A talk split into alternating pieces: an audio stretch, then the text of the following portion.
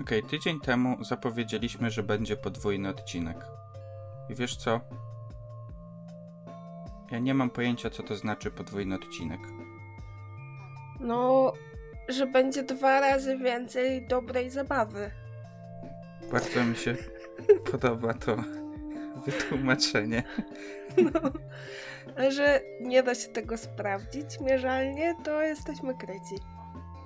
No właśnie, bo czasami robimy odcinki 30-minutowe, czasami godzinne. Co to znaczy w ogóle podwójny odcinek w kategoriach podcastu? Także dwa razy więcej zabawy to mi się podoba. Tak. Dobrze, dzisiaj mamy, mamy nadzieję fajny odcinek dla Was. Zawsze mamy taką nadzieję. To prawda. Ale wydaje mi się też, że zawsze mamy fajne odcinki o, to, dla Was. To, to miło, że tak uważasz. Tak, żeby nas tak wzmocnić. Także zapraszamy.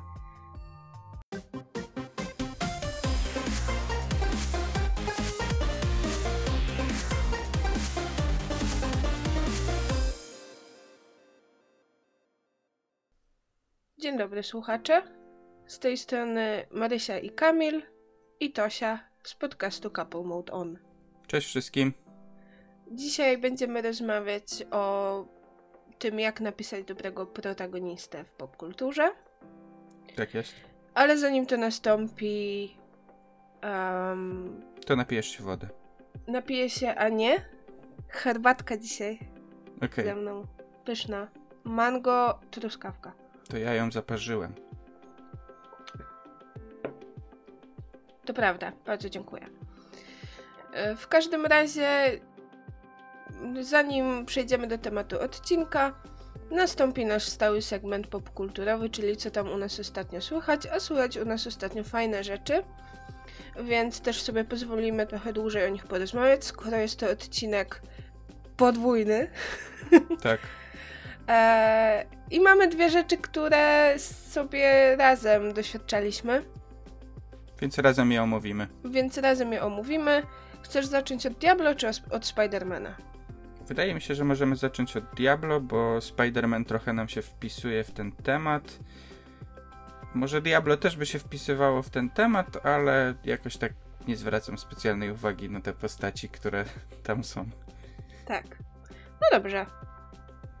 No więc jeżeli chodzi o Diablo, to myślę, że cóż, zaczęliśmy od tych postaci, czyli trochę tak jakby zaczęliśmy też mówić o fabule i pojawiło się takie pytanie na naszym Instagramie, czy w, bo, bo, bo, my mówimy o tej grze w takiej perspektywie grania o, w nią kooperacyjnie. I wydaje mi się, że my gramy źle w Diablo ogólnie rzecz biorąc. Nie wiem, czy zdajesz sobie z tego sprawę. Tak. A czy można źle grać w gry? Chyba można, tak. tak Rozumiem. Chyba można. To znaczy nie, nie, nie tak zgodnie z intencją, nie wiem, twórców może? Nie wiem. Ja, ja już o tym mówiłam, co, tak. co ja myślę o intencjach tak. twórców, ale e, no trzeba przyznać, że nie jesteśmy hardkorowymi graczami Diablo. Tak, bo jak czasami rozmawiamy z osobami, które lubią Diablo, grają w Diablo, to czasami pojawiają się właśnie jakieś takie wątki związane z buildami postaci, poziomem świata, jakimiś e, eventami, które tam nadchodzą, powiedzmy jakimiś zmianami, jakimiś sezonami. To są rzeczy, które kompletnie nas nie interesują. Nie. My po prostu gramy sobie w to bardzo tak casualowo, bijąc potwory i mm, zapytano się nas na Instagramie, czy właśnie warto byłoby w to zagrać samemu i mi się wydaje, że warto byłoby w to zagrać samemu, bo tam jest jakaś fabuła i są piękne scenki fabularne. I wydaje mi się, że tam może być coś fajnego, tylko że kooperacja nie sprzyja poznawaniu fabuł, naprawdę. To, to raz, a dwa, myślę, że warto powiedzieć, że fabuła w Diablo jest. I czy jest ona dobra, czy jest ona zła, ciężko nam powiedzieć, ale jest, bo nie gramy w Diablo dla fabuły. Mhm. I większość misji e, i misji pobocznych, nie ukrywajmy, są bardzo do siebie podobne. To znaczy, idź tam, ubij potwory, ubij dużego potwora, wróć, zdaj questa. E, I w większości przypadków to jest w kółko i w kółko robienie tego samego, co jest gdzieś tam w jakiś sposób mały, e, oplecione jakąś fabułką, która jest, no, zaczyna się historia, zaczyna się od tego, że w jakiś sposób jesteśmy połączeni z e, głównym bossem, czyli z Lilith i podążamy jej śladem po prostu. Tak. I dzieją się rzeczy w trakcie. Różne. Tak. tak. No, no, no tak jest, dokładnie no, tak, no, tak. Tak. Dokładnie tak jest, tylko no jakby nie ma co ukrywać, my po prostu skipujemy większość kontentu fabularnego, więc też jakby wydaje mi się, że ciężko będzie nam to ocenić. Może ja się kiedyś skuszę i w końcu zagram w Diablo dla fabuły i wtedy się wypowiem. Profesjonalni podcasterzy nie grają w gry dla fabuły. No, no, nie ale... wiem, tu, tu jakby urok, e, tak jak mówisz, tkwi w czymś innym, właśnie w systemie walki, w tym, że hordy wrogów na ciebie nacierają i e, nawet się śmieliśmy, że jest to chyba jeden z najgorszych światów z możliwych, w jakich można by się znaleźć, że wyobraźcie sobie, że nasz świat działa jak ten świat z Diablo. Po prostu wychodzisz z klatki i od razu gule na ciebie napadają całą hordą. Tak. Jak chcesz iść do kina. Tak. Najpierw, zanim dotrzesz do kina, to najpierw musisz pokonać hordę guli. A Dokładnie. potem w kinie jeszcze musisz pokonać dużego bossa. Dokładnie. Najpewniej. Dokładnie. Ale tak. E... Więc fabuła powiedzmy, że jest. Ale myślę, że trzeba się chwilę pochylić nad tym, jak ta gra wygląda. Mhm. Bo wygląda naprawdę świetnie. Tak, to prawda. I nie odkryjemy teraz Ameryki, kiedy wam powiemy, że Diablo 4 to jest powrót do korzeni. I mamy w końcu Diablo, z którego klimat aż się wylewa. Jest mrocznie, jest strasznie. Krew jest wszędzie, krew e, się leje litrami, jest czerwono od tej krwi i wygląda to naprawdę, naprawdę fenomenalnie. Tak, no jest niesamowity klimat i nawet pamiętam, że mówiłaś w niektórych momentach, że czujesz ten taki klimat grozy, że po prostu czujesz się trochę przestraszona tym, co nadchodzi. No, taki niepokoik. Jest taki niepokój. I tak. to jest super. Rzeczywiście Diablo 3 było mocno takie cukierkowe. Tak. No, takie mm, bardzo współczesne. A, a tutaj rzeczywiście jest strasznie i jest bardzo ładnie. Muzyczka też jest bardzo przyjemna. Tak, no cały podkład dźwiękowy, cała ta warstwa mm, audiowizualna jest naprawdę, naprawdę super. Tak, jeszcze, jeszcze potęguje ten nastrój takiej, takiej grozy i takiego gor wręcz w niektórych momentach, bo niektóre e, niektóre questy czy niektóre rzeczy są mocno takie brutalne. No i to jest Diablo. I nie mówię tego jako minus tej gry, bo bardzo mi się to podoba. Tak, tak, tak. Rzeczywiście, jakby questy bywają. E, wydaje się, że naprawdę ciekawie zapowiadają się niektóre z tych miejsc, które tam odwiedzaliśmy, rzeczy, które robiliśmy nawet w questach pobocznych brzmiały naprawdę super, ale tak jak już mówiliśmy, kooperacja to trochę psuje. Nawet gra w kooperacji to trochę psuje, bo był taki tak. wątek. Krystyny, która poszukiwała swojego męża, który chyba poszedł gdzieś z jakąś demonicą. I to bardzo taki brutalny i przejmujący wątek. No, w naszym wypadku gra dała nam dwie Krystyny. Tak, i by szukało jednego męża, więc robiła się z tego niezła drama rodzinna. No, no, więc no. to tak... No, no. no w, w kopie po prostu to, to, to, to, to nie działa. Tak.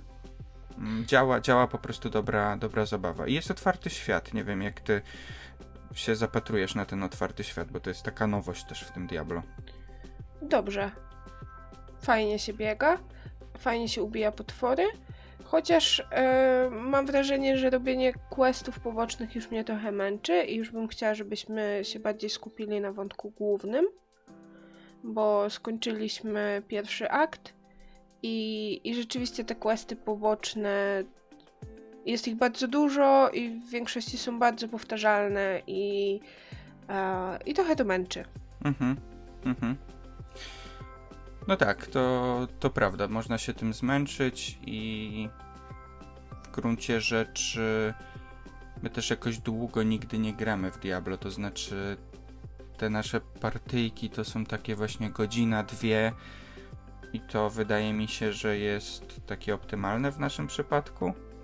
Tak, myślę, że um, Diablo przynajmniej dla nas się nie nadaje do takiego hardkorowego grania, że siadasz rano i kończysz rano następnego dnia. Bo, bo rzeczywiście może być to nudne i może być to powtarzalne. Diablo jest super, jak sobie chcesz pograć godzinkę czy dwie przed snem, e, odpalić, poubijać kilka potworów, zrobić kawałek e, fabuły i, i zakończyć. I to jest super, i wtedy chcesz do tego wracać i, i chcesz sobie w to pograć i jest fajnie. Hmm, ale zaznaczyłbym to, że to bardziej odnosi się chyba do nas, bo ja tak. pamiętam, że za mało lata to w Diablo 2 właśnie grałem z kuzynem w taki sposób, że graliśmy od rana do wieczora i potem jeszcze całą noc. Mm, ale na przykład rozmawiałam z moim kolegą z pracy, to jest wciąż bardzo mała grupa barawcza, e, który też gra w Diablo. I on z kolei zrobił tak, że spędził cały weekend. Naprawdę wrócił w piątek e, po pracy do domu i grał w Diablo do niedzieli do wieczora. Mhm. I mówi, że na razie ma trochę przesyt i jest na razie trochę zmęczony e, graniem, graniem w Diablo. Okej, okay, okej. Okay. No, e, myślę sobie, że fajnie, że tej zawartości jest tam tak dużo i naprawdę tych questów pobocznych jest tak dużo i w ogóle mapa, która tam jest, jest bardzo imponująca to nie znaczy, że trzeba to wszystko naraz brać. Wydaje tak. mi się, że to jest bardzo pozytywna wiadomość, że jak skończymy sobie tą fabułę główną, to zawsze możemy sobie wrócić do tego tytułu, chociażby, żeby zrobić jakieś poboczne questy. To jest fajne. Tak. tak. No. Dobrze, ale y, jeszcze myślę, że trzeba zaznaczyć dosadnie, mhm. że to, czym Diablo stoi, i co jest zdecydowanie najlepsze, to jest gameplay. Tak. To jest to, w jaki sposób ten e, hack and slash jest uzależniający po prostu. Tak i chodzenie i ubijanie tych potworów i w kółko i levelowanie postaci. Chociaż tak jak mówiliśmy, nie, nie stawiamy na jakieś budowanie niesamowitych optymalnych buildów, tylko po prostu sobie sprawdzamy rzeczy. Ale i system levelowania postaci. Jest to uzależniające i jest to naprawdę, naprawdę świetne i to jest to, czym Diablo stoi. I, i dlaczego warto w tę grę zagrać. No, Diablo to jest top of the top. Diablo stworzyło ten gatunek, więc jakby nie da się lepiej trafić, tak? Są gry podobne, też bardzo dobre, ale Diablo to jest Diablo. No ale Diablo też ma ciemną stronę, bo Diablo to jest gra od Activision Blizzard. I jak wiemy, Activision Blizzard to nie jest najlepsza firma na świecie. Tak. Tak jak czasami są to rankingi, e, co roku się mówi o najgorszej firmie gamingowej, często to było EA. Myślę, że EA ma trochę odpoczynku. EA się w ogóle trochę odbija. Tak. A myślę, że Activision Blizzard jest w tym momencie jedną z tych gorszych film, firm. Tak, dlatego też nie chcemy was namawiać do, do zakupu tej gry. Jakby podejmijcie bo... decyzję zgodnie z własnym sumieniem. Tak, bo jakby rozumiemy, że nie chcecie wspierać Blizzarda, jeżeli nie chcecie. Myśmy też, no myślę, że możemy powiedzieć otwarcie, że myśmy też nie kupili tej gry. Dostaliśmy ją od wydawcy i mogliśmy sobie dzięki temu w nią pograć, tak? Mhm. Ale, ale podejrzewam, że, że gdyby nie to, to i tak byśmy Diablo kupili, bo bardzo lubimy, jesteśmy fanami, e, fanami marki, więc prędzej czy później Diablo by się znalazło w naszej bibliotece. To prawda ale rzeczywiście podejmijcie swoje decyzje konsumenckie zgodnie z własnym sumieniem. Dokładnie. Jakby wydaje mi się, że nikt nikogo nie powinien potępiać za decyzje konsumenckie. Niech każdy po prostu sam podejmie taką decyzję. Konsumowanie popkultury jest w dzisiejszych czasach dość trudne, wymaga dużej świadomości i e, no, to, to tak tak to, tak to niestety wygląda. Dobrze, to zakończyliśmy nasz krótki wywód o Diablo trochę y, smutnym wątkiem. Tak. Ale miejmy nadzieję, że Blizzard idzie w lepszą, jaśniejszą stronę, że może dzięki interwencji Microsoftu w jakiś sposób dokona takich zmian, które wyprowadzą tą firmę na dobry kierunek, tak? Tego Tak. im życzę. No, myślę, że też im tego życzę. Ciężko przy, przy obecnych kontrowersjach e, pamiętać o tym, że Blizzard kiedyś robił bardzo dobre gry. Tak, I dalej Diablo jest bardzo dobrą grą, ale, ale rzeczywiście jest to niesmak taki pozostaje, taka gorycz w ustach. tak, tak. E, dobrze, to może przejdźmy do wspaniałej rzeczy, która nas spotkała, Mhm. która nie jest obarczona żadnymi kontrowersjami. Jeszcze, Tylko- jeszcze. Przestań. Tylko mnóstwem radochy i miłości twórców do bohaterów, bo to widać, to się wylewa z tego, z tego dzieła, że, że twórcy znają materiał źródłowy, uwielbiają go, dostosowują go do, do siebie. No fenomenalne dzieło. A mówię tutaj o Spider-Man poprzez multiversum. Okej. Ty- Czyli- Tytuł, tytuł polski jest dziwny. Czyli drugiej części animacji e, o Spider-Manie Milesie Moralesie, którą niedawno mieliśmy okazję zobaczyć w kinie. Tak, dokładnie. I która była fenomenalna. Absolutnie. I chyba chcieliśmy zacząć tym razem od spoilerów, żeby później pogadać bezspoilerowo i płynnie przejść do tematu.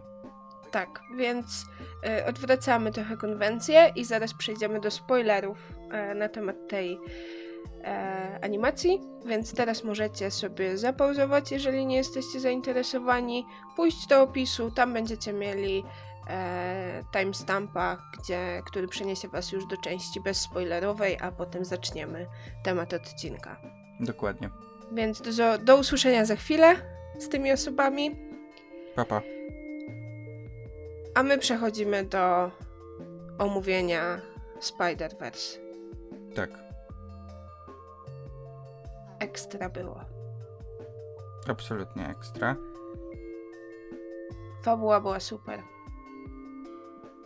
Mm, Chyba powinniśmy ją też trochę przybliżyć, bo ty mówiłaś, że czasami. Znaczy, że jesteś jedną z tych osób, które lubią sekcje spoilerowe. Nawet I- jeżeli nie, nie wznają danego dzieła. Dokładnie. Rozumiem. Ja bym wam jednak radził iść do kina.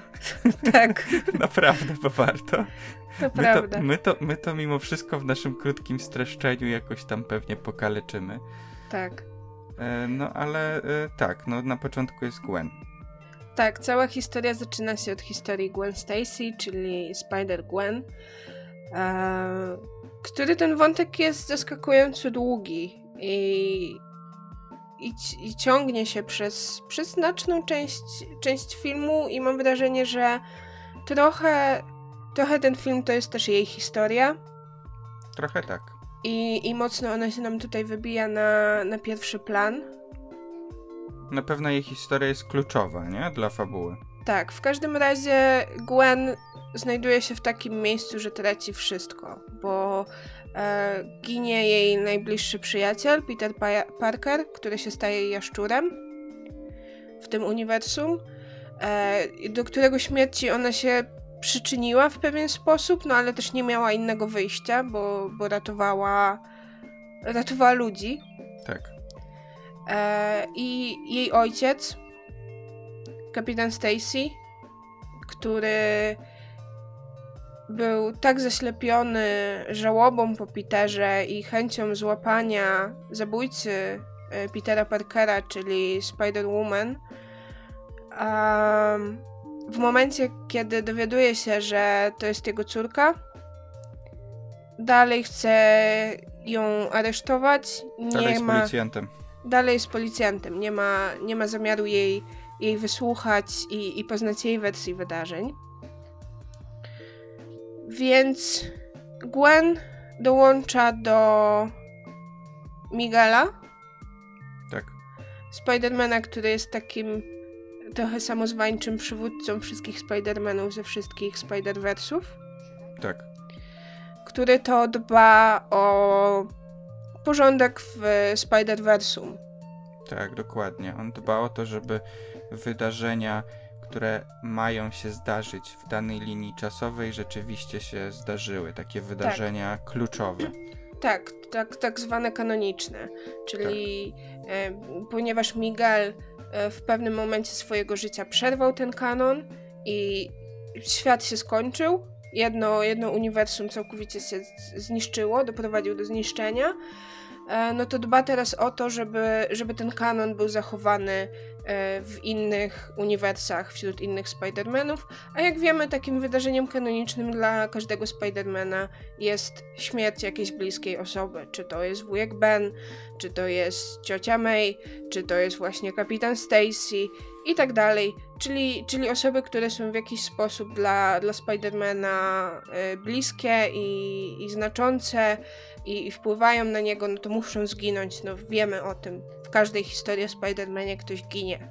I, tak. i to, to wpływa też na, na Spidermana. Tak. No i tu pojawia się Miles. Tak. Bo poznajemy historię z jego strony. On trafia w pewnym momencie na.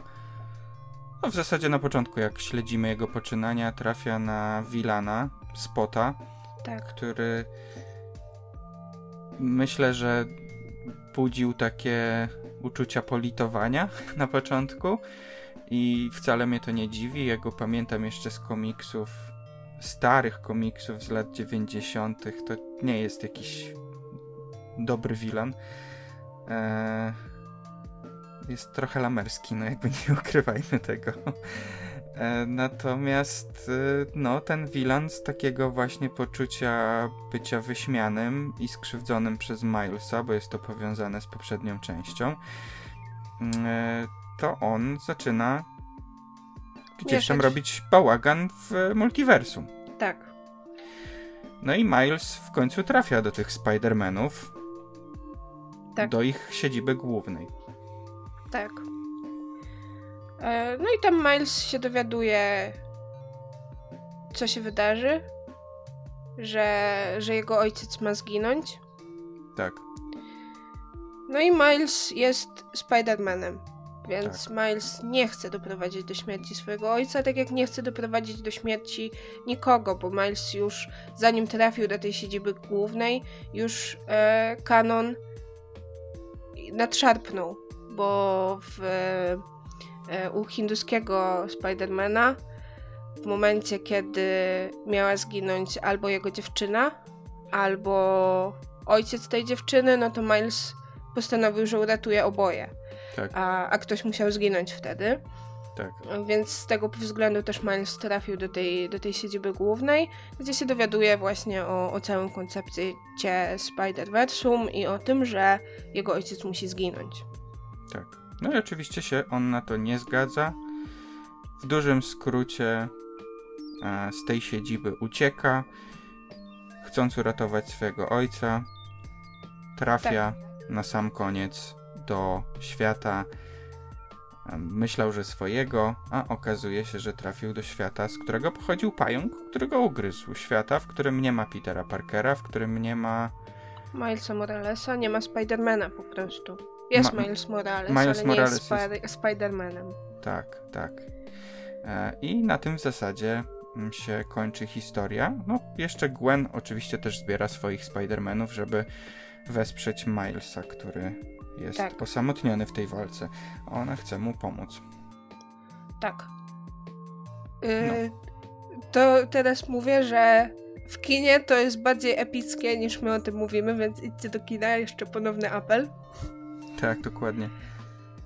Cóż mogę powiedzieć o tej fabule? No. Wspaniała. Poruszająca.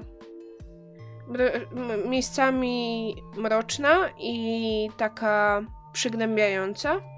trzyma w napięciu na pewno momentami. Trzyma w napięciu, mhm. tak.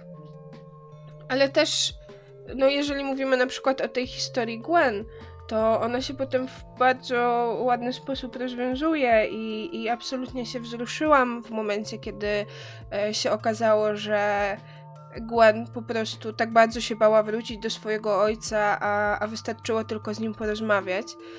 To cała ta historia Gwen przez większość filmu jest absolutnie przerażająca i straszna i no ona straciła wszystko, co mogła. Mhm. I, I, jej się wydawało, że, że nie ma już dla niej powrotu. Mhm. A, a mimo to się okazało, że jednak, y, tak jak jej ojciec powiedział, że 5 minut po tym, jak ona zniknęła, to on rzucił y, pracę mhm. i przestał być policjantem, przestał być kapitanem. E, to była, była to bardzo poruszająca i, i wzruszająca scena, ale Jestem pełna podziwu dla twórców, jak wspaniale udało im się po pierwsze upchnąć tyle postaci w filmie, i o postaciach jeszcze zaraz porozmawiamy, ale udało im się upchnąć tyle postaci w filmie i każda z nich ma jakąś taką swoją malutką historię, albo większą historię, bo, bo, bo Gwen, tak jak mówiłam, ma naprawdę dużo czasu antenowego i, i tobie zależy na wszystkich tych postaciach, a poza tym na koniec też wiesz, dlaczego te postaci dołączyły do Gwen i dlaczego e, znajdują się w tej ekipie, e, która, która pomoże Milesowi i, i go też chce uratować, tak? Tak, Jakie tak. mają oni motywacje. Bo, bo, jest, bo jest rebelia Spider-Manów, część też jest oczywiście z Miguelem, który jest takim... Mm, no trochę jest wilanem, no. Trochę jest wilanem. Ja myślę, że Miguel nie jest wilanem tej opowieści. Myślę, że Miguel w trzeciej części zrozumie i nauczy się, co to znaczy być Spider-Manem i że Spider-Man chce uratować wszystkich za wszelką cenę. No właśnie, bo to jest to, że e, Miguel. E, może Wilan to jest rzeczywiście mm, za duże słowo, ale on e, nie jest Spider-Manem, tak? Pomimo, że nosi gdzieś tam maskę, nosi strój, jest przywódcą Spider-Manów, to nie jest Spider-Manem i jego sposób myślenia podszyty lękiem też trochę zainfekował innych Spider-Manów, tak sobie myślę, bo tak. Miles jakby impuls, e, jaki się w nim pojawia, to jest nawet, on tego nie kwestionuje, on po prostu musi spróbować chociaż uratować te osoby, na których mu zależy. Albo osoby, których nawet nie zna. Po prostu jest Spider-Manem i tak. ratuje, tak. i ratuje ludzi. I nawet wiedząc, jakie mogą być konsekwencje, on i tak wie, że musi spróbować wszystkiego, żeby, żeby pomóc. I to jest taka trochę, tak jak są zawsze w, filmach, w animacjach jest zawsze ta scena, w której Spider-Man trzyma coś, co się rozpada za pomocą pajęczyny, to tak metaforycznie mam wrażenie, że tutaj właśnie to jest to, nie? Że, że Miles tak. to robi, że za wszelką cenę próbuje po prostu trzymać wszystko w ryzach, uratować sytuację. I to jest dla mnie Spider-Man. Miles Morales jest dla mnie jest dla mnie Spider-Manem. Tak. No i myślę, że tym sposobem płynnie możemy przejść do omówienia postaci, które pojawiają się w, w tej animacji. Tak. Miles Morales jest Spider-Manem. I, I myślę, że nikt nie ma ku temu żadnych wątpliwości jest innym Spider-Manem niż Peter Parker, jest innym Spider-Manem niż Gwen Stacy, jest innym Spider-Manem niż Miguel, Jessica Drew i inni Spider-Manowie, którzy pojawiają się w, czy w tym filmie, czy w komiksach, ale jest Spider-Manem. Mhm. I uwielbiam jego historię. Uwielbiam to, że na niego wpływają takie rzeczy, jak to, że jest tak związany i tak blisko z rodzicami. Uwielbiam jego relacje z rodzicami. To, że, że im tak straszliwie na nim zależy i że tak bardzo go kochają. E, zresztą jest nawet ta scena, gdzie ojciec Milesa rozmawia ze Spider-Manem, nie wie, że to jest Miles, ale mu się zwierza i zwierza mu się ze swoich rozterek e, na temat syna ale i widać po prostu, jak bardzo im na tym zależy. I jest też piękna scena, w której Miles rozmawia ze swoją matką, która mu mówi, że hej, dbaj o to swoje wewnętrzne dziecko, bo nie zawsze będzie tak, że ktoś o ciebie zadba. Chociaż ona bardzo by chciała i bardzo by chciała mieć go, mieć go jak najbliżej. I oczywiście, że oni się kłócą. Oczywiście, że Miles robi jakieś głupoty i zawodzi rodziców, no bo jest nastolatkiem i to wszyscy nastolatkowie to robią.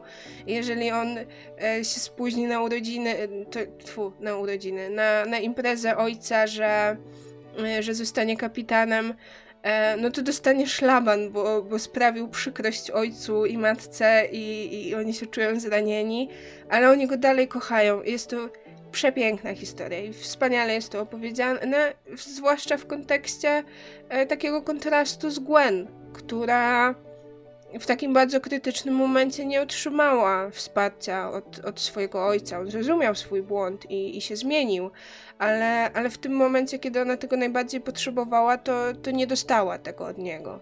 Mhm. No, mi się też wydaje, że to dużo mówi o rodzicielstwie, ten, ten film, ale też tak e, przyrównujesz to do, do tej sprawy z Gwen, jak zareagował jej ojciec. To jest bardzo dobre porównanie, ale też świetnym porównaniem jest ten świat, w którym nie ma Spidermana, co ma pewne konsekwencje dla Nowego Jorku i nie jest to najprzyjemniejsze miejsce z tego, co zdążyliśmy przez chwilę zobaczyć, ale przede wszystkim, co mnie tak uderzyło, to jest świat, w którym nie ma taty Milesa. Tak. I to pokazuje, jak kluczową on jest postacią w kontekście kształtowania Milesa, jako, jako właśnie tego, tego fajnego chłopaka, którym on się stał, tego chłopaka, który próbuje ze wszelką cenę wszystkim pomóc. Że w momencie, kiedy zabrakło tak naprawdę ojca, on stał się pod wpływem wujka e, tak. Prowlerem. I tak, no jest... no bo Miles w tym świecie właśnie nie został wychowany przez, e, przez kochającego ojca, tylko przez wujka, który jest przestępcą. No. I, i, i to miało, miało na niego duży wpływ. Myślę, że to jest bardzo ciekawy wątek, taki bardzo ciekawy wątek, taki skłaniający do refleksji. Tak. E, ten film też nie skupia się na przykład na wątku rasy Milesa, tak. Jego, tak. jego pochodzenia. Tak. E, wręcz w pewnym momencie się nawet z tego wyśmiewa. Jest ta jedna z takich pierwszych scen, kiedy Miles trafia do e, tego biura doradcy zadwodowego, czy kto to tam była ta, kim tam była ta kobieta. I ona mu mówi, że hej, musisz opowiedzieć swoją historię. E, pochodzisz tutaj z e, takiej mieszanej rodziny, jesteście biedni. A rodzice mówią, hej, hej, ale e, Puerto Rico jest w Ameryce, a, my wcale nie jesteśmy biedni, jesteśmy średnią klasą i coś tam. Ja jestem tutaj policjantem, więc, więc rzeczywiście, rzeczywiście w pewien sposób ten film dyskutuje z tym i, i mówi o tym, że to, to, to nie jest kwintesencją e, Milesa.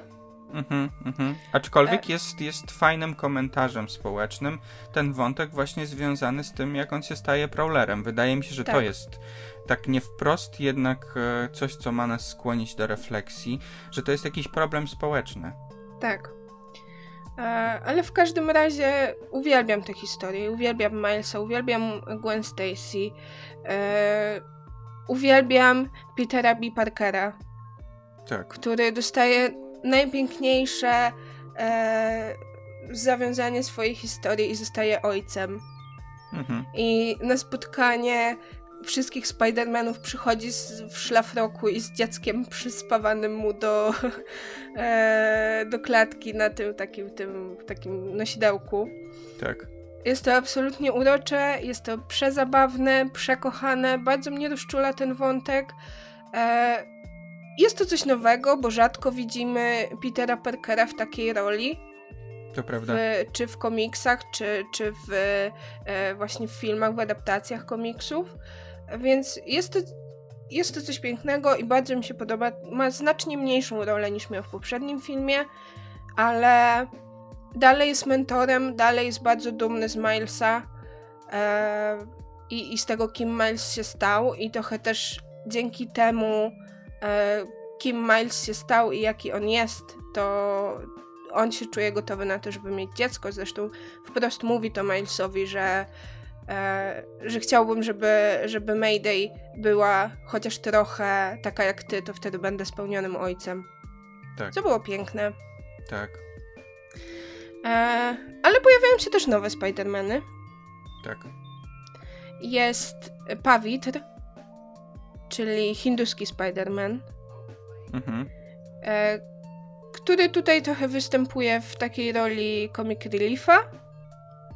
Jest zabawną postacią na pewno.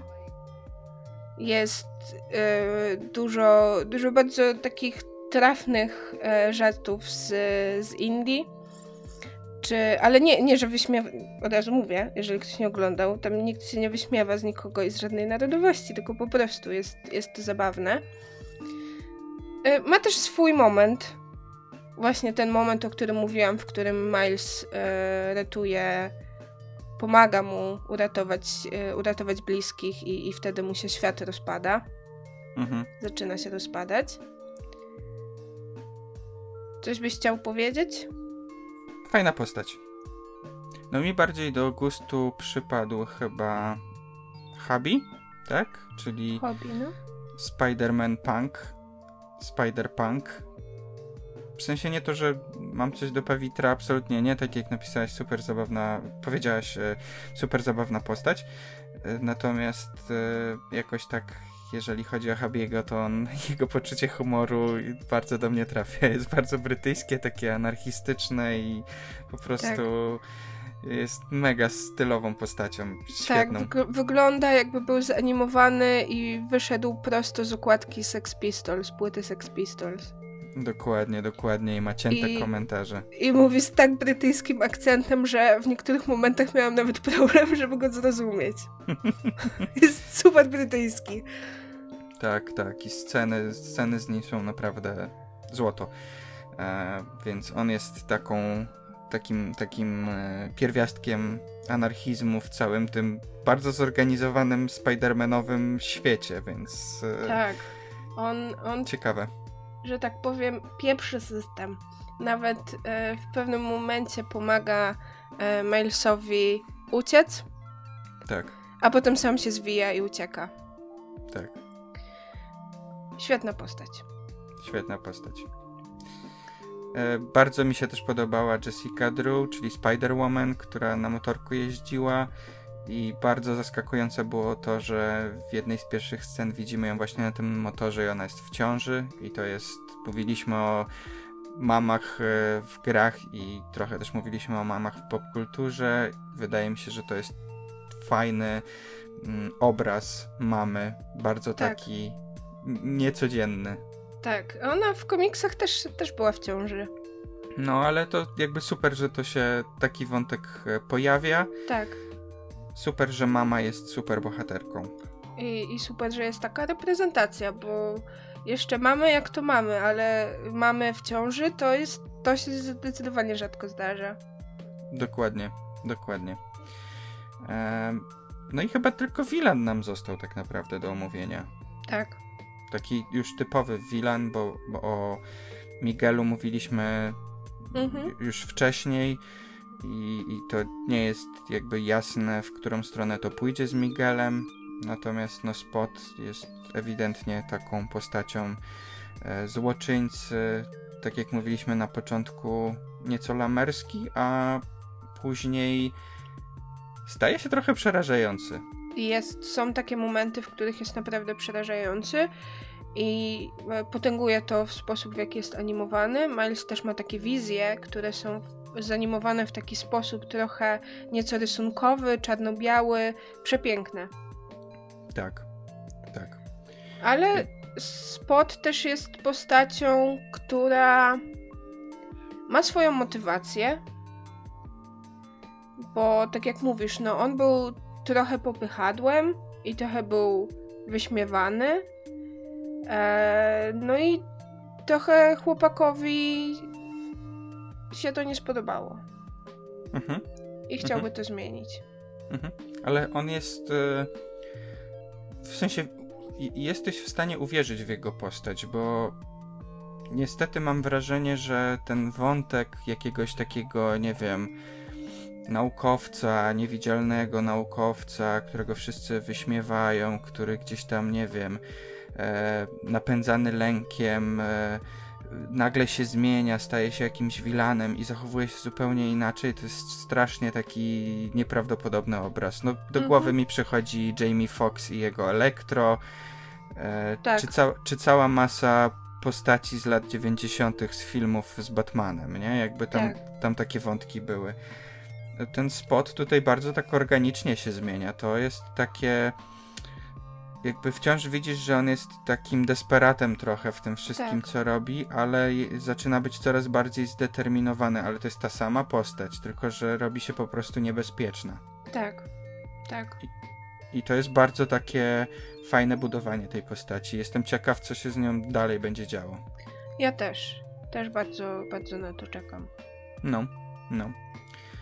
Czy my wracamy sobie teraz do sekcji bezspoilerowej? Tak, możemy zacząć. Yy, zacząć. Tak, możemy zacząć mówić teraz o Milesie Moralesie. Także możecie już do nas wrócić. Tak. Cześć z powrotem. Witajcie. Yy, w sekcji bezspoilerowej myślę, że powiemy wam krótko. Tak. Idźcie do kina. Tak. To, w jaki sposób ta animacja została zanimowana, jest przegenialne jest to wizualne arcydzieło.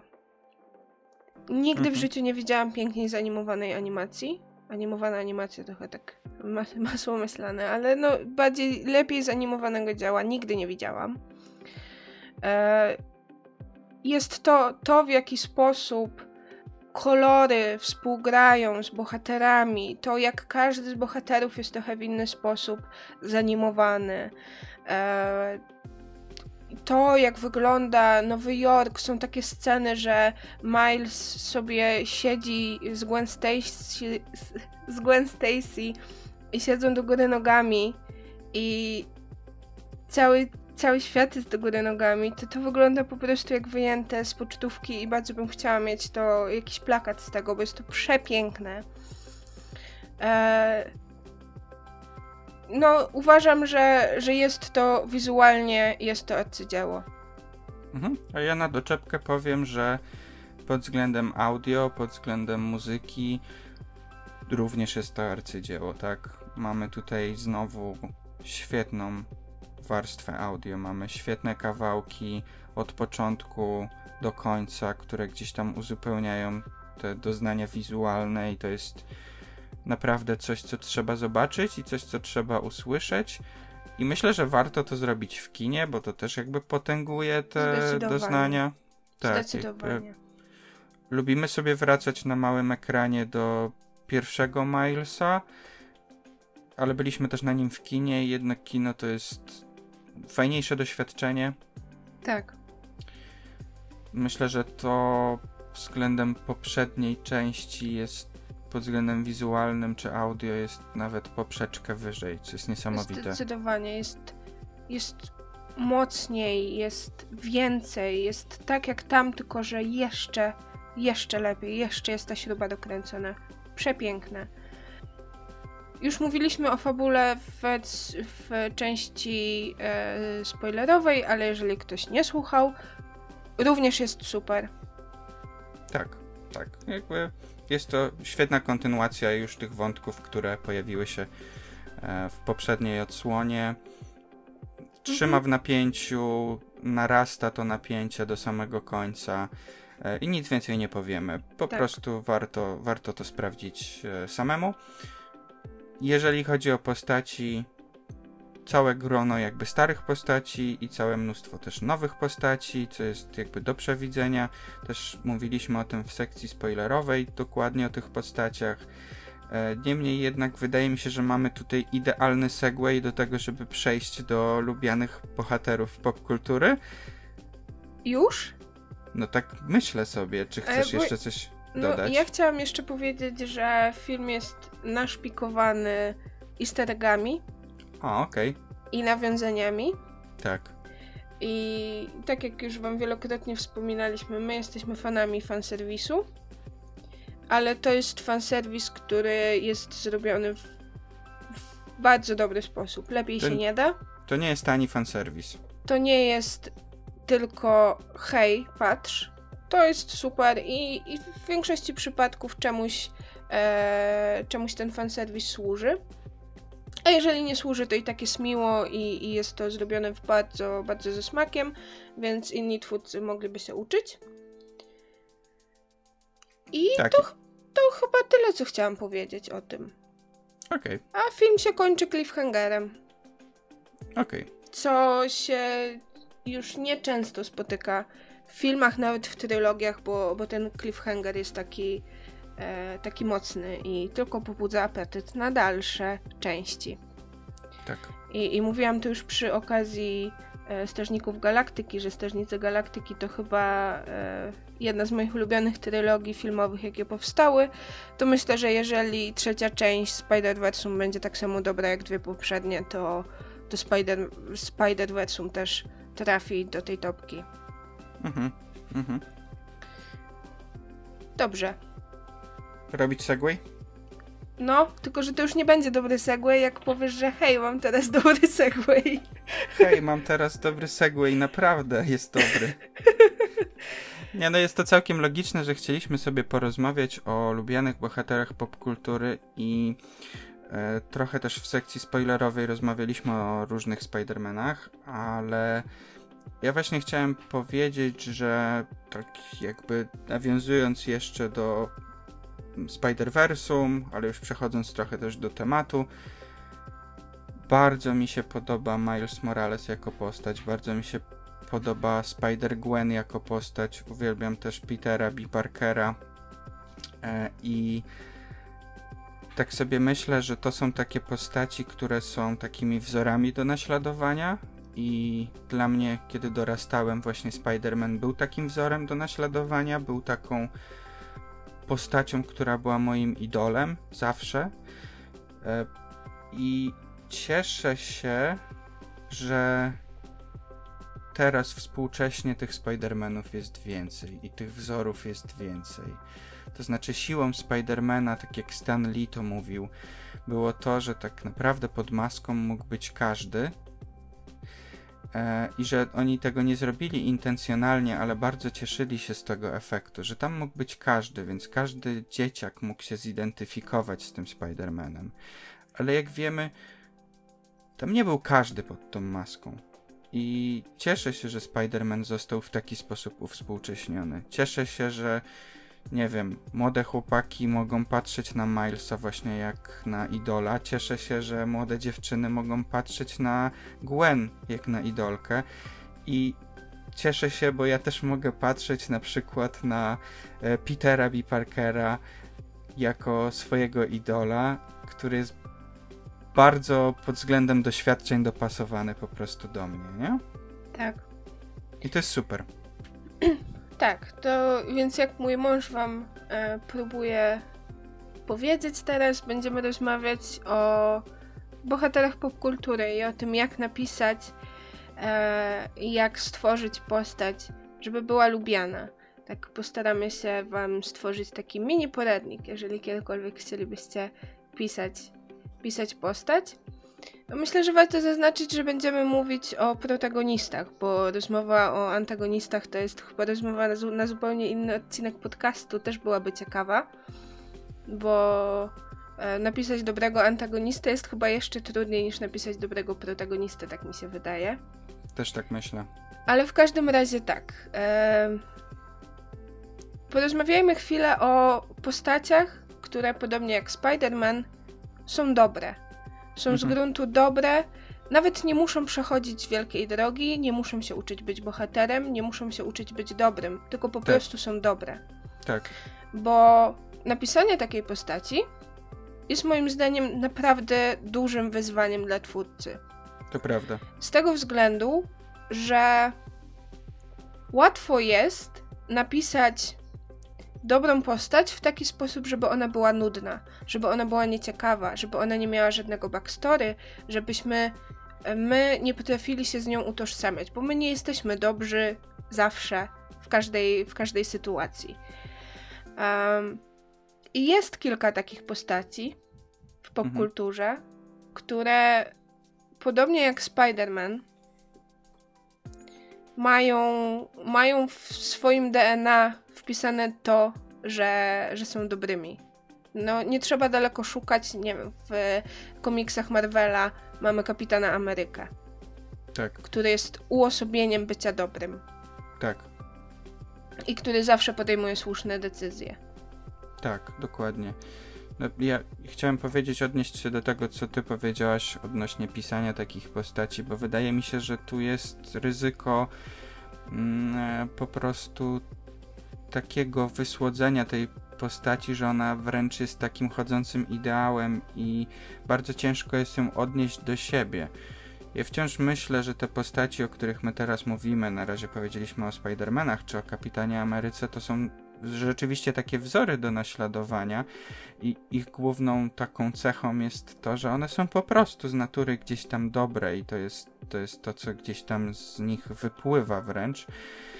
Ale to nie znaczy, że one są nieciekawe, tak? Jakby też fabularnie mogą być ciekawe, bo trafiają na różne trudności, a my uczymy się dzięki nim, jak sobie radzić na przykład z tymi trudnościami. No więc ty wspomniałaś o Kapitanie Ameryce, mi na przykład, jeżeli chodzi o takie dobre postaci, takie dobre, dobre, taka chodząca dobroć, a jednocześnie fajne postaci, to mi do głowy na przykład przychodzi Aloy z Horizon Zero Dawn, mhm. Horizon Forbidden West.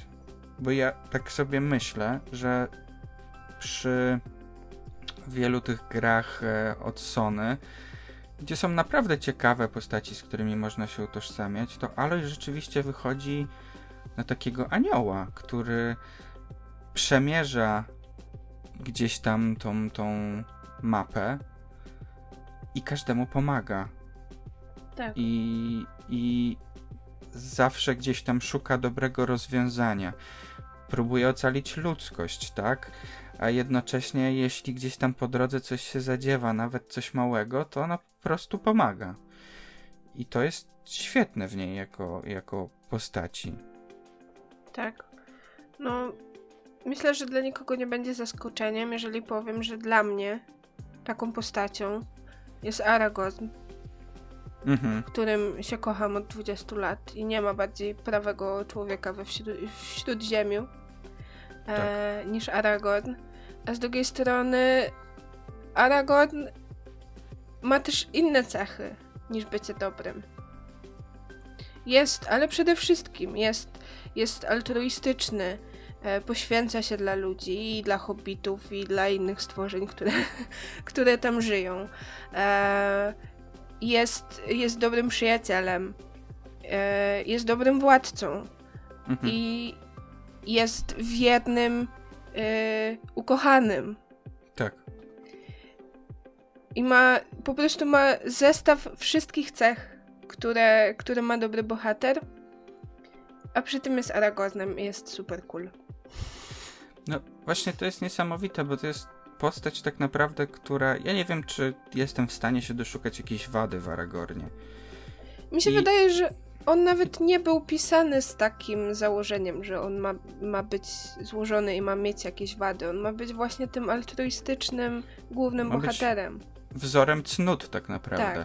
Tak, tak. E, no ale, ale właśnie to jest to, że tu istnieje to ryzyko, że taka postać się nie spodoba. A mimo wszystko właśnie pod względem tego, co z Aragornem się dzieje i co on, na jakie trudności on natrafia, to ten jego zestaw cech jest ciekawy. To się fajnie, dobrze ogląda. On jest naprawdę świetną postacią. Tak. E, on jest odważny. Na przykład odważny też dla mnie jest Link E, Link e, z The Legend of Zelda jest jakby on nawet nie mówi, on po prostu działa. Idzie. On, on, dokładnie, on się budzi ze stuletniego snu i gdzie jest Zelda? Tak. I, i, i po prostu musi uratować Hyrule. I oprócz tego, że jest z natury dobry i chce wszystkim pomóc, i to w zasadzie jest w każdej części The Legend of Zelda, no to on też po prostu jest odważny, tak? Jakby e, to już wchodzę w lore The Legend of Zelda, ale jego Triforce, jego trójkąt to jest trójkąt odwagi. On jest właśnie uosobieniem odwagi i to jest świetne. Ale też raczej bym nie znalazł w nim takich cech, e, które byłyby wadami, tak? Które byśmy uznali za wadę. Tak. No a Luke Skywalker? A Leia Skywalker? A Leia Skywalker, zwłaszcza w oryginalnej trylogii, bo potem Luke się staje trochę grumpy dziadkiem. To prawda. Ale, ale w oryginalnej trylogii, no to Luke jest tym bohaterem, który idzie i robi dobro. I chce Mhm. zrobić dobro. I, i, i, i nie, nie kwestionuje tego. I robi to. Bo na przykład Han Solo nie. Han Solo musi przejść jakąś drogę i się nauczyć bycia dobrym, tak? Tak, tak. No, myślę, że dlatego e, Mark Hamill narzekał na tego, tego Grumpy Luka. Że, Tak. że on, e, i to jest świetne w nim, że on otwarcie mówił, że mój Luke Skywalker, e, którego ja sobie stworzyłem, to on by tak się nie zachował. Jakby on Tak. mówi wprost, gdyby Leia potrzebowała pomocy, to bym przebył pół galaktyki, żeby jej pomóc. Zdecydowanie. I tak by, tak by się zachował Luke, zwłaszcza z oryginalnej trylogii. No, no, no, więc absolutnie. E, Dla mnie też taką, żeby nie iść tylko w e, takie postaci, które muszą z kimś walczyć. e, Dla mnie ciekawą postacią jest Jess z Jess i Chłopaki lub New Girl po angielsku. Dziwnie są tłumaczone czasami te tytuły. Bo ona jest właśnie postacią, która moim zdaniem w całym serialu, a jest to taki sitcom, Trochę sitcom, ale ja nie, nie traktuję Jessie Chłopaki jako takiego serialu Klasycznego, komediowego. Y, Obejrzyjcie, jeżeli nie oglądaliście, bo to są chyba, tak jak niektórzy uwielbiają przyjaciół, tak my uwielbiamy Jessie Chłopaki. Tak, tak. Y, No jest to bardziej współczesne i takie mam wrażenie bardziej ze smakiem. Mhm. E, w każdym razie jakby tu żeby też za długo nie poświęcać na tłumaczenie czym Jessie Chłopaki jest, to jest po prostu serial o parce przyjaciół. I Jess jest taką trochę quirky girl, tak? Taką Tak. trochę dziw, dziwną dziewczyną, takie właśnie trochę sunshine. E, w Tak. każdym razie jest ona dobrą postacią, jest postacią, która w ogóle uczy dzieci w e, szkole podstawowej, takie małe berbecie. E, jest bardzo pogodna, jest, jest po prostu dobra. I Tak. ona tak naprawdę w tym serialu e, trafia na obiektywnie trudne wydarzenie, z którym w jakiś sposób musi sobie poradzić i radzi sobie e, gdzieś tam korzystając z pomocy nowo poznanych przyjaciół, ale ona tak pod względem charakteru, pod względem tego, jaka ona jest, to ona nie przechodzi żadnej drogi. Nie. Ona jest od początku do końca w tym serialu, ona jest świetna, ona jest kochana. Tak, I ona tak naprawdę jest motorem napędowym dla innych postaci, tak, które się zmieniają pod jej wpływem. Tak. To ona. Zresztą to też jest wielokrotnie powiedziane w tym serialu, że, że to ona wpływa na, e, na chłopaków czy na swoją najlepszą przyjaciółkę i, i dzięki niej oni chcą stać się lepsi, bo ona jest po prostu dobra. Ona jest rzeczywiście jest dziwaczna, jest szalona, e, jest zabawna, ma bardzo dużo charakteru. Jess ma, jest pełna, pełna charakteru, pełna emocji, ale jest po prostu dobrą osobą. I, I ona od początku serialu jest dobrą osobą, jest tą kotwicą, e, spoiwem tej całej grupy. I to jest super. I to jest miło się na to patrzy, jak inni się zmieniają pod jej wpływem, jak, e, jak ona na innych wpływa. Wspaniałe. Mhm. Mhm. E, czy ty chcesz jeszcze tu dodać jakąś postać? Nie. Bo tak, takich postaci myślę, że całe mnóstwo przychodzi nam do głowy. Ja bym jeszcze powiedział tylko o jednej, cofając się tak trochę nostalgicznie do czasów, kiedy byłem dzieckiem i oglądałem Dragon Balla. I do wszystkich jakby fanów Dragon Balla, no nie muszę tego tłumaczyć, ale jest tam oczywiście główną postacią jest Songo, no ale jest też Vegeta. Ja zawsze byłem bardziej w teamie Vegety, który jest raczej właśnie taką postacią, która musi przejść jakąś drogę i przechodzi tą Mhm. drogę i wręcz no, ze złoczyńcy staje się bohaterem. Tak. I dla mnie to jest ciekawsza postać, myślę, że do dziś, e, ale ja za dzieciaka niespecjalnie też jakby tak lubiłem Songo, właśnie myślałem sobie, że on jest taki idealny i że to mi się nie podoba. E, a z czasem nauczyłem się go bardzo doceniać. Właśnie to, że on jest taką postacią w tym anime, która o, jasne może popełniać błędy, ale ona przede wszystkim właśnie kieruje się kompasem moralnym i zaraża tym kompasem moralnym też innych. Dzięki tak. niej tak naprawdę Vegeta staje się dobry, więc y, jego też czasem doceniłem po prostu, tak? I to jest y, tak jak mam wrażenie, że z czasem doceniłem Kapitana Amerykę i się w nim zakochałem. No. Że to przyszło jakoś z wiekiem do mnie. Tak. No. no. dobrze. Myślę, że właśnie w opozycji do tych e, bohaterów, którzy są tak e, krystalicznie dobrzy i, i nie popełniają błędów, albo popełniają błędy, ale, ale wszystko robią z takim zamiarem bycia dobrym, to jest bohater, który rzeczywiście musi przejść jakąś drogę mhm. w, w swoim dziele. Mhm. Czyli bohater, który się zmienia, bohater, tak. który się uczy, i to jest chyba najciekawszy typ bohatera. Bohater, który się naprawia. Bohater, który się naprawia, to jest chyba najciekawszy typ bohatera. Też oczywiście wszystko zależy od tego, jaką drogę dostanie, bo to nie jest tak, że e, to może się dziać w oderwaniu od fabuły dzieła, ale takich bohaterów jest naprawdę sporo. Mhm. Bo, bo większość popkultury jednak o nich opowiada. E, I większość dział się jednak na nich skupia, no bo to jest klasyczna fabuła czegokolwiek, czyli jest bohater, który ma jakąś drogę do przejścia i musi się czegoś nauczyć. I my się przy okazji też uczymy od niego nie na zasadzie, że jest dla nas takim wzorem cnót, tylko tak. ucząc się na jego błędach. Tak. Mhm. E, no i sobie właśnie kilka, kilka takich postaci gdzieś tam wymieniliśmy. O Wegecie już wspomniałeś. Tak.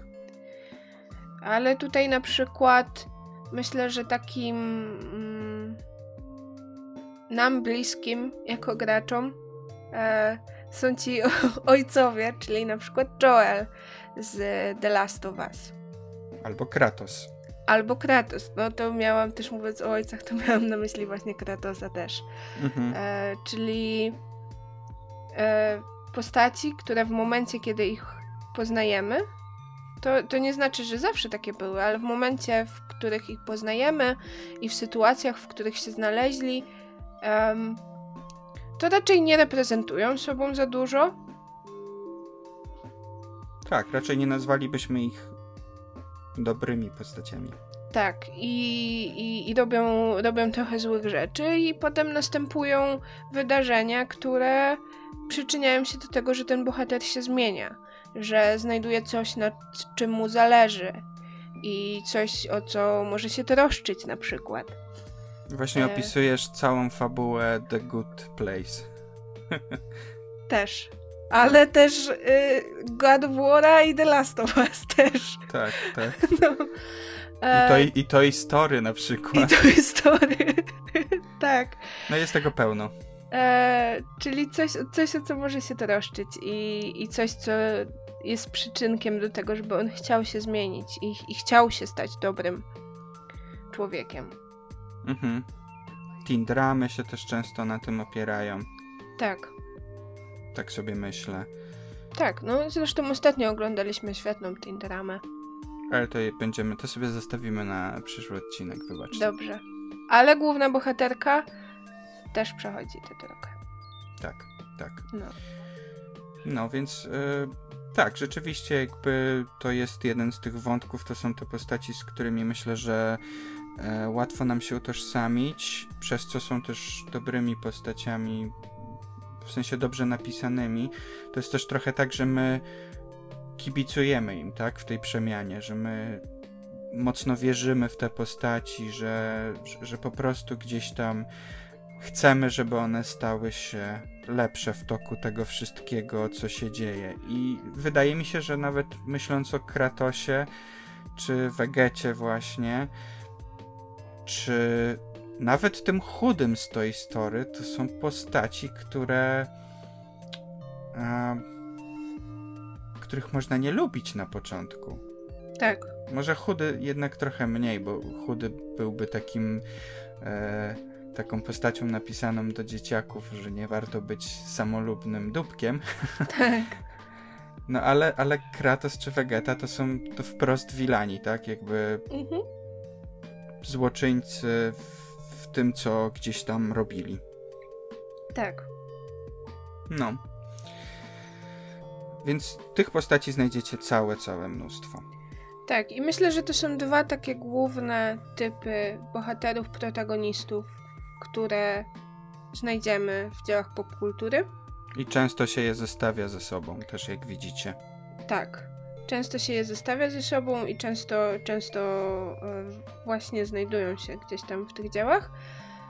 Ale myśmy sobie jeszcze wypisali kilka typów postaci, już takich bardziej specyficznych i bardziej ukierunkowanych, które lubimy. I jeżeli chcecie stworzyć e, czy, czy film, czy książkę, czy grę, czy cokolwiek, Dla nas. dla nas dokładnie, to, to zawrzyjcie tam te postaci, bo, bo to, są, to są nasze ulubione typy.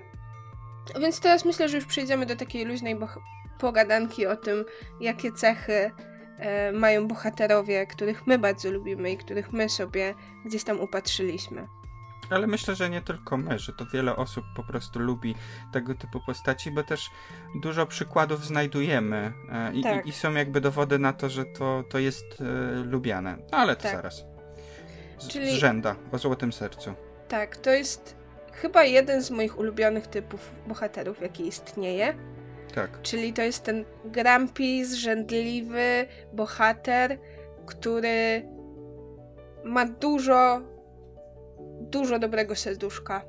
No wypisz, wymaluj twój mąż. To prawda. Ja, ja właśnie wyszłam z, z rzędu o złotym sercu. Więc nic dziwnego, że to jest też mój ulubiony typ bohatera. I tutaj mówiliśmy o Jessie Chłopaki, ale moim ulubionym bohaterem i chyba jednym z twoich ulubionych też Mhm. jest Nick. Tak.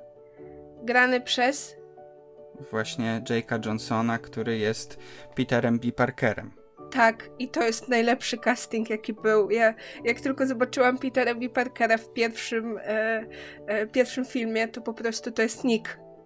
Więc Nick jest taką postacią. Nick jest postacią, która dużo marudzi. Jest trochę zrzędliwa. E, nie jest pozbawiona wad, ale dla najbliższych, dla swoich przyjaciół, dla swojej ukochanej, on jest w stanie zrobić wszystko. Góry przenosić. To prawda. To prawda. I wprost wydaje mi się, że podobną postacią jest Luke z e, Kochanych Kłopotów. To jest nasza kolejna nasza ulubiona postać. Postać, przez którą zacząłem nosić czapkę z daszkiem. To prawda. Luke zainfluensował Kamilowi czapki z daszkiem. To jest serial z, nie wiem, z 2000 roku? Tak. No. Ba- też bardzo dobry serial, też bardzo lubimy Kochane Kłopoty. Tak, absolutnie. Ale, ale tak, to jest właśnie ten typ postaci, który, który uwielbiamy. No jedną z moich najukochańszych postaci w ogóle na całym świecie jest dr Cox z, ze Scrapsów, Chorzy Doktorzy. Ja jeszcze przewinę trochę, y, bo Dr. Cox to jest bardzo dobry trop, ale w Kochanych Kłopotach jest jeszcze jedna postać, jest Emily Gilmore, która A, jest, no tak. No, która jest, która jest mamą e, Lorelai, głównej bohaterki, e, w której zresztą Luke się kocha. E, Tak. I tak sobie myślę, że to jest fajna reprezentantka tej grupy w kontekście no, postaci kobiecej, że ona też jest Tak. właśnie taka grumpy, ale o złotym sercu, że, że gdzieś tam e, dużo narzeka, bardzo dużo. tak. Luke jest nią totalnie. Tak, właśnie sceny jak są we dwójkę, to Są najlepsze. z jednej strony widać to spięcie, a z drugiej strony widać, że oni są bardzo podobni do siebie i w wielu kwestiach się dogadują. Na przykład jak czasami były takie sceny, jak narzekali razem na Lorelai No. E, i dokładnie radzili jej to samo, więc to Tak. jest e, świetna, świetne interakcje. Tak. No, zapomniałam o Emily. Tak, tak. E, Ale wracając do doktora Coxa. Tak. E, w takich e, zestawieniach, e, gdzie się mówi o takich zrzędach, bo sobie też poczytałam, często się wskazuje doktora House'a. A mało kto wie, że doktor Cox był, e, jakby doktor House był wzorowany na doktorze Coxie. Tak, doktor Cox to jest pierwowzór, oryginał i jest lepszy. I jest lepszy. Doktor Cox. E, jakby poznajemy doktora Coxa w pierwszym odcinku Scrapsów, który jest jednym z najlepszych w ogóle openingów seriali ever i który jest nam prze przedstawiony jako wilan tej opowieści, jako ten zły, e, przerażający doktor. I na końcu się dowiadujemy, że dla pacjentów to on jest w stanie zrobić wszystko. I jest w stanie się poświęcić wszystko. Karierę, tfu, rodzinę, swoje życie. Wszystko zrobi dla pacjentów. Um, oprócz tego jest niesamowicie sarkastyczny. Bardzo jest złośliwy. Tak. Jest strasznym dupkiem czasami. To prawda.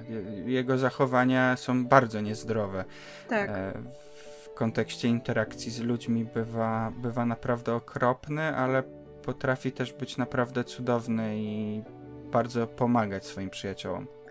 I e, jeżeli nie oglądaliście Scrapsów, to znowu obejrzyjcie, ale to jest serial, który jest bardzo niejednoznaczny w tworzeniu swoich postaci i jedną z tych postaci jest właśnie Dr. Cox, który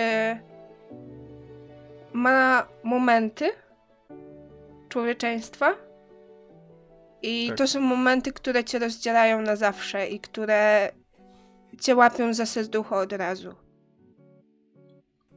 A jednocześnie też jest, myślę, postacią, która przechodzi jakąś drogę i uczy się wiele od swojego e, ucznia JD, nie? To, to też Zdecydowanie. Chociaż JD nie jest typem e, tej dobrej postaci wzorem cnót, bo też ma swoje za uszami. I właśnie dlatego Scraps są. E, może tylko... serialem. To, to, prawda. Tak. Mo no. Może na początku mocno te postaci, y, niektóre są takie jednowymiarowe, a potem okazuje się, że są bardzo wielowymiarowe. Tak. I Dr. Cox ma specjalne miejsce w moim serduszku, zdecydowanie. Tak. Ja, ja sobie ostatnio Afterlife oglądam trzeci sezon i dla mnie Tony e, grany przez Rika e, Gervaisa jest też takim typem postaci z rzędu o złotym sercu i ja chciałem to zawrzeć też tutaj dlatego, że to jest serial o człowieku, któremu umiera żona i on ma myśli samobójcze i on chce ze sobą skończyć, więc to jest taki bardzo ciężki serial i bardzo często też jest tak, że te postaci, które są w jakimś kryzysie takim ciężkim, to też nie lubimy oglądać takich postaci, to ma takie psychologiczne, myślę, podparcie, że to jest po prostu też dla nas trudne oglądać takie postaci. Tak. Więc tym bardziej bardzo doceniam jego jako postać, bo on o tym wszystkim mówi, on to pokazuje i to jest taki ciepły i wiele pokazujący serial. E, można się wiele z niego nauczyć, ale jednocześnie no, ta postać, która jest, można powiedzieć, na dnie, mimo wszystko jest, dobrze się ją ogląda. No a jest typową zrzędą o złotym sercu, bo myślę, że cały serial się na tym opiera, że potrafi być okropnym dupkiem, okropnym dupkiem. Tak. E, wszystko może też jakby usprawiedliwić tym, że jest teraz w dołku, ale właśnie uczy się, że warto być dobrym, chociażby dla. No, najpierw może dla swoich przyjaciół, a potem też w ogóle dla ludzi, nie? Mhm. No, tych postaci znaleźlibyśmy jeszcze trochę. Tak. Jest tak. Shrek, który jest zdecydowanie jest grumpy dziadem, tak. który ma dobre serduszko. Tak. E, Wolverine, który jest ultimate grumpy dziadem. No, Geralt też by tu pasował. Geralt. E, I wiele, wiele innych postaci, które bardzo lubimy i które bardzo cenimy za to, w jaki sposób zostały stworzone i napisane. Mhm. Mhm. No i kolejny taki typ to jest typ. E, z jednej strony mamy typ Piotrusia Pana, z drugiej strony mamy też taki typ niezręczny. W każdym razie opiera się to o poczucie humoru. I tak, tak. naprawdę tu pewnie tak, co nam przyszło od razu do głowy, to są Strażnicy Galaktyki, ale w zasadzie w dużym stopniu tak naprawdę większa część bohaterów z MCU i wydaje mhm. mi się, mhm. że to jest jeden z tych dowodów na to, że to jest ten typ bohatera. Wydaje mi się, że on się może znudzić, jeśli MCU będzie dalej szło w taki przesyt, ale mm, że jest to ten typ bohatera, który dobrze się ogląda, że ludzie lubią właśnie taki typ e, postaci z poczuciem humoru. Mhm. No myślę, że jakby w Strażnikach Galaktyki to też nie, nie jest tak, że każdy ma poczucie humoru. Takim typowym przedstawicielem tego typu, to żeby wam zobrazować, to myślę, że jest Peter Quill. Czyli on jest właśnie tym trochę takim Piotrusiem Panem. To nie jest nasz ulubiony, to nie jest nasz ulubiony Strażnik Galaktyki, żeby było jasne, ale to jest właśnie ta osoba, która jest takim trochę Piotrusiem Panem, jest taki trochę niezręczny, taki czasami e, clumsy, ale jest... E, ma, kiedy przychodzi co do czego, to, to się potrafi w sobie spiąć, ale generalnie rzuca um, żartami jak z rękawa i, i właśnie jest taką, taką osobą. Thor jest taką osobą. Tak.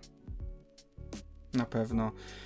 E, z bohaterów, e, którzy jeszcze mi przychodzą do głowy, Deadpool, może trochę dziwna postać, ale też jest na pewno Mhm. W dużym stopniu jego personality to jest, nie wiem, poczucie humoru.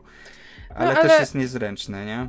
Tak, ale Jake Peralta z Brooklyn Nine-Nine, też jednego z naszych ulubionych seriali. On jest, jest super zabawny, jest tym dzieciakiem, który trochę musi dorosnąć, trochę chce dorosnąć, ale a nawet jeżeli dorasta i, i, jakieś nowe wyzwania życie przed nim stawia, to on dalej jest tym gościem y, z poczuciem humoru, tak. zabawnym, tak. ale też znowu, jeżeli przychodzi co do czego, no to jest super profesjonalistą i w gruncie rzeczy bardzo inteligentnym gościem. Tak, tak. Nathan Drake. Tak, zdecydowanie. Mówiliśmy o Gilmorach, to jak dla mnie to Lorelai jest takim typem właśnie osoby z fantastycznym poczuciem humoru. Oj tak, i ona też rzuca um, żartami jak z rękawa. A poza tym ktoś chyba to porównał i w ogóle w y, Kochanych Kłopotach to Lorelai tyle gada i wypowiada tyle słów na minutę, co chyba w żadnym innym serialu to się do tej pory nie zdarzyło. Mhm bo super dużo gada. Mhm. ale ale mhm. jest, też, jest też świetną postacią. Też nie, nie moją ulubioną, ale też jest tą postacią, która właśnie um, jest dowcipna, ma taki ostry humor. Super. I jest też Eleanor właśnie z Dobrego Miejsca, która też jest świetną kobiecą postacią, która ma fantastyczne poczucie humoru. Też jest taka trochę, e, można powiedzieć, ja bym nie powiedział, że ona jest niezręczna, ale czasami właśnie tak jak Lorelai mówi dość niezręczne rzeczy w towarzystwie. Tak. I tu chyba ta jest niezręczność. E, to swoją drogą, jeśli mówiliśmy o tym, że Luke zainfluencował we mnie noszenie czapki, to Lorelai zainfluencowała swoją stylówkę na tobie swego czasu. Eleanor. Eleanor. No, tak. to prawda. To prawda. Nie, Lorelai nie, bo Lorelai się czasami dziwnie ubierała. No, ona się bardzo dziwnie ubierała czasami, ale to były lata 2000, wszyscy się wtedy dziwnie ubierali. Tak, dokładnie. Możecie sobie obejrzeć, nie wiem, Kasię i Tomka i no. to jest świetna kapsuła y, pod względem ubioru. Ale w ogóle Kasia i Tomek to jest świetna kapsuła pod względem tamtych czasów. No, to prawda, to prawda. No. O, i, i, i, właśnie Tomek jest też takim tym grumpy. To prawda. A Kasia jest właśnie taką postacią z poczuciem humoru, niezręczną, clumsy tak. trochę. Kasia jest, oni e, ten motyw literacki Grumpy Sunshine to na e, pewno. obrazują bardzo. Tak, to prawda, to prawda. No, więc e, nie wiem, to też e, niezły throwback. Jakoś mam ochotę obejrzeć sobie odcinek Kasi i Tomka. No, ale myślę, że będzie niezręcznie, bo ostrzegamy was, kiedyś próbowaliśmy oglądać Kasię i Tomka i bardzo to się zestarzało. Mm.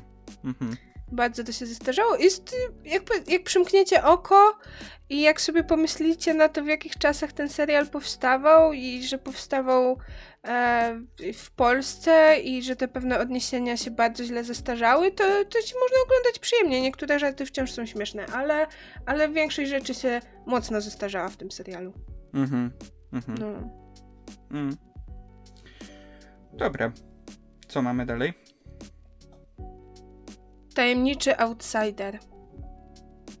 Taki antybohater trochę. Taki antybohater trochę. No wiadomo, że Batman. Wiadomo, że Batman. Po prostu chcieliśmy zrobić osobną kategorię dla Batmana. Tak. Kamil był taki, ale gdzie, gdzie umieścimy Batmana? Ludzie lubią Batmana. No to stworzyliśmy osobną kategorię dla Batmana. No. E, I mi tutaj od razu do głowy przyszedł też Loki, Mhm. który jest. Loki jest zdecydowanie antybohaterem, jest. Czasami jest też vilanem, Mhm. Ale. Ale ma taką aurę tajemniczości. Ludzie uwielbiają Lokiego i się absolutnie nie dziwię, bo ja się też do tych ludzi zaliczam. Mhm. No o Batmanie może ciężko powiedzieć właśnie w kategoriach antybohatera, chociaż e, kurczę, no robi rzeczy, które naprawdę, no Aragorn by tego nie zrobił. Nie, Aragorn nie. Aragorn by to potępił. No, no. Ale w ogóle taki wątek tajemniczego outsidera, to myślę, że wszystkie osoby, które gdzieś tam oglądają anime albo czytają mangi, to to jest dosłownie w każdym anime się musi pojawić taka postać, która jest trochę na uboczu, trochę tak nie wiadomo e, o co jej chodzi. Tak. Trochę wydaje się być takim złoczyńcą, złolem, a tak naprawdę okazuje się, że daje radę. Tak, no, ukochany przez wielu z Sirius Black z Harry'ego Pottera. Albo nawet Severus Snape. Mhm. E, to, to też znowu nie są nasze ulubione postaci, ale myślę, że to jest to, co ludzi przyciąga do tych postaci. Mhm. Oprócz, e, jeżeli mówimy o adaptacjach filmowych, to oprócz aktorów, którzy grali te postaci i którzy e, zrobili to fenomenalnie, no to to są właśnie te postaci, które są takie gdzieś tam trochę mroczne, tajemnicze, nie wiadomo o co chodzi, no to to jest to, nie? No to jest atrakcyjne też tak psychologicznie patrząc, to jest to takie atrakcyjne, żeby popatrzeć na takie postaci, trochę im się poprzyglądać, no bo właśnie no, budzą naszą ciekawość, nie? Tak. Więc lubimy na nie patrzeć, lubimy je oglądać. Tak. Mm. No i mieliśmy też e, dziwne postaci. Dziwne postaci to jest taka kategoria, że w sumie jest dziwna. No, no jakby nie chcemy definiować, co jest dziwne, ale no to są postaci, które robią często szalone i niekonwencjonalne rzeczy, Mhm, które może też niekoniecznie się wpisują w e, jakiś schemat. mhm, I jako, że dalej oglądamy community po raz kolejny, no to taką postacią jest na pewno Abed, mhm. który... Abed jest w ogóle w tym serialu bardzo meta, bo Abed cały czas mówi o tym, że oni są w serialu i, i, i komentuje rzeczy, które się dzieją. O, teraz kręcimy odcinek taki, a teraz odcinek z motywem takim, a teraz się będzie działo to. E, więc Abed jest bardzo meta, ale też jest bardzo taki, no, niekonwencjonalny. Ale trzeba przyznać, że tam wiele postaci jest dziwnych i niekonwencjonalnych. Większość nawet bym No. powiedziała. Din, Tak, Cheng, Cheng, tak, tak, jakby... e, No i lubisz tą ich dziwność też. tak. to ich tak. szaleństwo. E, Tak samo Wednesday, która e, podbiła przecież serca no masę, masę ludzi. To też jest dziwna postać. Trochę może też by pasowała nam do, do tej kategorii takiego tajemniczego outsidera. tak. Więc te postaci też się, tak mam wrażenie, mieszają. No, Deadpool też jest taką trochę dziwną postacią. Też Tak. mógłby się tutaj odnaleźć. No, e, więc jak najbardziej tych dzi- dziwną postacią, nie wiem, jest na przykład Dwight z The Office. O Boże, on jest dziwny. A też, też jest lubiany. No przez to, właśnie. że jest taki dziwny. Phoebe z przyjaciół, Tak, która tak, jest szalona i jest dziwna. tak. Michael Scott zresztą z The Office, wracając do The Office, też jest dziwną postacią. Tak. E, one mają taki potencjał, żeby ich naprawdę nie lubić i żeby im nie kibicować, ale jednocześnie w tej dziwności mają takie przebitki człowieczeństwa. Mhm. I to jest ten moment, w którym my widzimy, że to są jakieś postaci, które są może też często w jakiś tam sposób skrzywdzone i chcemy, żeby po prostu były szczęśliwe. Tak. E, Phoebe też jest zresztą taką postacią, jeśli dobrze pamiętam, która ma jakieś takie chyba najtragiczniejsze backstory ze wszystkich Ja- przyjaciół. No ja właśnie bardzo nie lubię tego wątku, bo Mhm. Phoebe ma naprawdę bardzo tragiczne backstory i bardzo straszne rzeczy się działy i ona tam mieszkała na ulicy, jej matka zmarła i w ogóle straszne rzeczy i nie jestem fanką, że się robi z tego żarty Mhm. I że to jest jeden z przykładów, e, dlaczego uważam, że przyjaciele są naprawdę okropnymi przyjaciółmi, bo gdyby e, mój przyjaciel przeżył coś takiego w swoim życiu, to raczej bym chciała go wspierać Mhm. a nie to wyśmiewać. Więc Mhm. no, no nie jestem fanką tego, tego wątku, ale bardzo lubię postać Phoebe. Phoebe i Chandler to są moje ulubione postaci w Przyjaciołach, a, a też no, nie jestem fanką tego serialu. Mhm. No ale właśnie tak trochę jakby przymykasz e, oczy na, te, na dziwność tych postaci, nawet uczysz się lubić tą dziwność, e, Mhm. mm, tą, tą niekonwencjonalność. e, I widzisz też po prostu dobro w tych postaciach i to chyba jest ważne, no bo gdyby to były typowo złe postaci, to nie wiem, czy byłyby lubiane, nie? Jakby te, ten Michael Scott jest tutaj całkiem dobrym przykładem, bo kiedy próbowano jeden do jednego przenieść e, tą postać z wersji brytyjskiej, to trochę jakby ona się nie podobała. Tak. E, Tak. I, i, i, i dano jej właśnie jakieś takie mm, jednak wątki, że Tak, no wiesz, na jeden sezon to się może sprawdzić taka postać takiego Michaela Scotta, ale jeżeli to już jest więcej sezonów, no to warto mu dać jakąś drogę czy jakąś głębię. mhm, mhm. Mhm. No. No i mamy też takie postaci już na sam koniec, które są uosobieniem jakiejś takiej siły i sprawczości. Mocne. Wydaje... Takie mocne postaci, Tak. no. I wydaje mi się, że to tak uniwersalnie są takie wartości, które my jako ludzie cenimy, że po prostu lubimy tą siłę, lubimy tą sprawczość, że to jest coś, co nam się podoba, że sami przecież chcielibyśmy być silni, sami chcielibyśmy być sprawczy, więc patrząc na takie postaci jak Kratos, jak Master Chef, jak, jak Marcus Phoenix, czy Samus Aran, Bayonetta nawet, no to, to jakby też trochę odgrywamy tą taką fantazję, że sami mamy tą siłę, że mamy tą Mhm. sprawczość, że mamy jakąś potęgę, żeby, nie wiem, zadośćuczynić, naprawić jakieś błędy, czy pokonać jakieś zło, z którym się mierzymy. To są jakby, no, to, to Tak, fajna fantazja, nie? tak. Mm. Dobrze. Myślę, że już i tak nam wyszedł wystarczająco długi odcinek, żeby móc go nawet nazwać odcinkiem podwójnym. Tak, z tego co widzę na zegarze półtorej godziny, No, to pewnie jak potniesz, to będzie może chwilę krócej. ale nieznacznie. także, także jest podwójnie. Jest podwójnie. Mam nadzieję, że miło Wam się słuchało, nam się miło rozmawiało i słyszymy się za tydzień. Dokładnie tak. Słyszymy się za tydzień. Pa! Pa, pa.